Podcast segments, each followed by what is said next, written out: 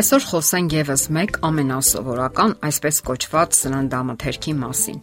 Այն ինքնուրույն ճաշատեսակ չէ, սակայն մշտապես ներկա է սեղաններին եւ օգտագործվում է շատ մեծ քանակությամբ որպես կարելի ասել համեմունք ամենատարբեր ճաշատեսակների համար որպես համակցում։ Եվ այսպես մայոնեզ, այն օգտագործվում է որպես հավելում հիմնականում սալատներին, սակայն չէ որ այն, ինչ մենք օգտագործում ենք ամեն օր, մշտապես ազդում է մեր առողջության վրա, եւ անկարևոր չէ, թե ինչ բաղադրություն ունի, ինչ բաղկացուցիչներից է կազմված։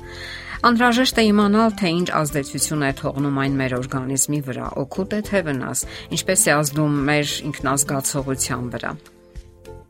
Եվ այսպես փորձենք ողրզել մայոնեզի կազմությունը։ Օգտակար է այն թե վնասակար։ Ծանոթանալով կազմությանը մենք տեսնում ենք, որ առաջին հերթին դա ձվի դեղնուցն է՝ պղպեղ բուսական յուղ լիմոնաթթու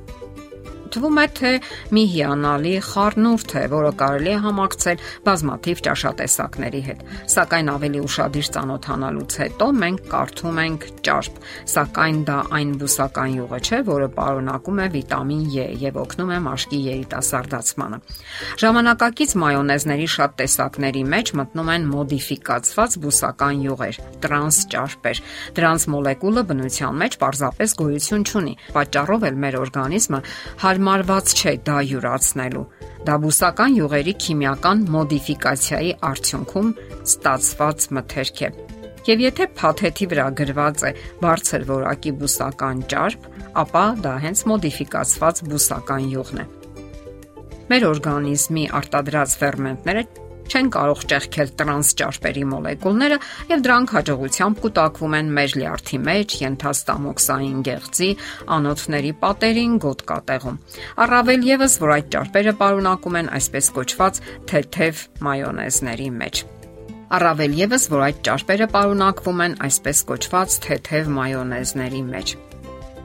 մեծ քանակի ճարպեր օգտագործելու դեպքում առաջանում է աթերոսկլերոզ, ճարպակալում, սրտի իշեմիկ հիվանդություն, նյութափոխանակության հետ կապված հիվանդություններ։ Եվ եթե անգամ մայոնեզի մեջ պարունակվում են որակյալ ճարպեր, դրանք դարձյալ վնասակար են առողջության համար։ Դրանից բացի մայոնեզի մեջ պարունակվում են նաև այլ բաղադրամասեր, որոնք դարձյալ վնասակար են առողջության համար։ Դրանցից են այսպես կոչված էմուլգատորները, որոնք նպաստում են մթերքի միասեռ զանգվածի պահպանմանը։ Եթե խորհրդային միության ժամանակներում որպես էմուլգատոր օգտագործում էին ձվի լեցիտինը,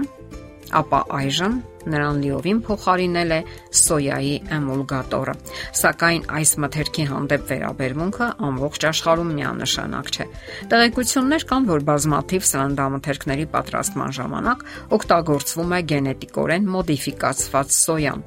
Իսկ նման մթերքների ազդեցությունը օրգանիզմի վրա դեռևս հիմնավորապես ապացուցված չէ։ Եվ եթե նույնիսկ կան ենթադրություններ, ապա դրանք միայն բացասական են։ Մամուլում հրապարակումներ էին հայտնվել, որ դրանք քաղցկեղ են առաջացնում, եւ շատ երկրներ այսօր հրաժարվել են այդ օրինակ սննդամթերքներից։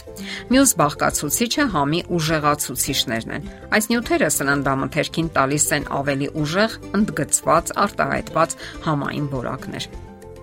Այս բոլոր նյութերը գործնականում ունեն արհեստական ցակում, այսինքն պատրաստվում են քիմիական բարդ համադրությունների արդյունքում Բացի ստամոքսի եւ ողջ մարսողական համակարգի վրա ունեցած բացասական ազդեցությունից, այս նյութերը նաեւ առաջացնում են ընտելացում այս կամ այն նյութի հանդեպ, որը վերածվում է կախվածության։ Ապա գալիս է պահպանիչների հերթը Այս հավելումները կարող են երկարացնել մթերքի օգտագործման պիտանելիության ժամկետները, կանխել միկրոբների եւ տարբեր սնկերի զարգացումը։ Այս պահպանիչների արկայությունը հնարավորություն է տալիս որոշ սննդամթերքներ պահպանել առանց փչանալու ամիսներ եւ նույնիսկ տարիներ։ Նման սննդամթերքների մեջ գործնականում այլևս ոչ մի այսպես կոչված կենթանի նյութ տար գոյություն չունի Հանուն արդարության ասենք, որ այս պահպանիչների մի մասը ստամոքսում ստամոքսահյութի ազդեցությամբ քայքայվում է, սակայն մի մասն էլ այնուամենայնիվ թափանցում է օրգանիզմի բջիջներ եւ անբարենպաստ ազդեցություն ունենում։ Ահա թե ինչու ճիշտ չի ասել, որ մայոնեզի մեջ կա միայն ձու, յուղ, լիմոնաթթու եւ պղպեղ։ Բացի այս բաղադրիչներից մայոնեզի մեջ ավելացնում են նաեւ ժելատին, օսլա եւ պեկտին Օսլա պարունակող մայոնեզներն այնքան էլ որակյալ չեն եւ համային ցածր արժեք ունեն։ Ամենալավ մայոնեզը պատրաստում էին մեր տատիկների ժամանակներում, քանի որ այն ժամանակ ամեն տեսակի հավելումներ չէին ավելացնում, որոնք այսօր նշվում են Ե անվանումով, ինչպես նաև կողքին գրվում է, թե ինչ կողմնակի ազդեցություն են ունենում դրանք օրգան համակարգերի վրա։ Իսկ ինչ անենք, կհարցնեն շատերը։ Հնարավոր է ապրել առանց մայոնեզի։ Ծայրահեղ դեպքում կարելի է պատրաստել սեփական բաղադրատոմսերով, որն ավելի հուսալի է, կամ էլ փոխարինել թթվասերով, եթե բուսական մայոնեզ չեք սիրում կամ ալարում եք պատրաստել։ Իսկ այժմ ծանոթանանք մի հետաքրքիր էկզոտիկ մրգի կամ բանջարեղենի, որը թեև թանկ է մեր բնակչության համար, սակայն կարելի է օգտագործել գոնե որպես համեմունք։ Այդ միրգը կամ սննդամթերքը ավոկադոն է։ Ինչ է ներկայացնում այն իրենից։ Ավոկադոն իր ձևով կանաչ տանձ է հիշեցնում, ունի հաճելի համ եւ ընկույզին բնորոշ բույր պարունակում է օլեինական թթու, որը նպաստում է արյան մեջ խոլեստերինի մակարդակի նվազեցմանը, ինչպես նաև կան հակաօքսիդանտներ, էնզիմներ, K, B6, C եւ E վիտամիններ, կալիում, պղինձ, ֆոլաթթու։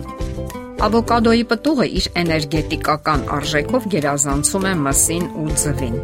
Այն մտել է Գինեսի ռեկորդների գրքի մեջ որպես աշխարհի ամենասննդարար միրգ։ Իսկ ինչպես որոշել հասածության աստիճանը։ Պտղամիսը պետք է սեղմվի թեթև ճնշելու դեպքում։ Այս միրգը լավ է յուրացվում եւ այդ պատճառով խորհուրդ է տրվում նաեւ վաղ հասակի երեխաներին։ Ավոկադոյի հասած պտուղը կարող է քարել ձիթայուղի, սխտորի, լիմոնի հյութի հետ, ավելացնել աղ եւ համեղ բուսական սոուսը կամ մայոնեզը պատրաստել։ Թե ինչ, գնահատեք ձեր առողջությունը եւ ոչ միայն ախորժակը։ Եթերում առողջ ապրելակերպ հաղորդաշարներ։ Հարցերի եւ առաջարկությունների համար զանգահարել 033 87 87 87 հեռախոսահամարով։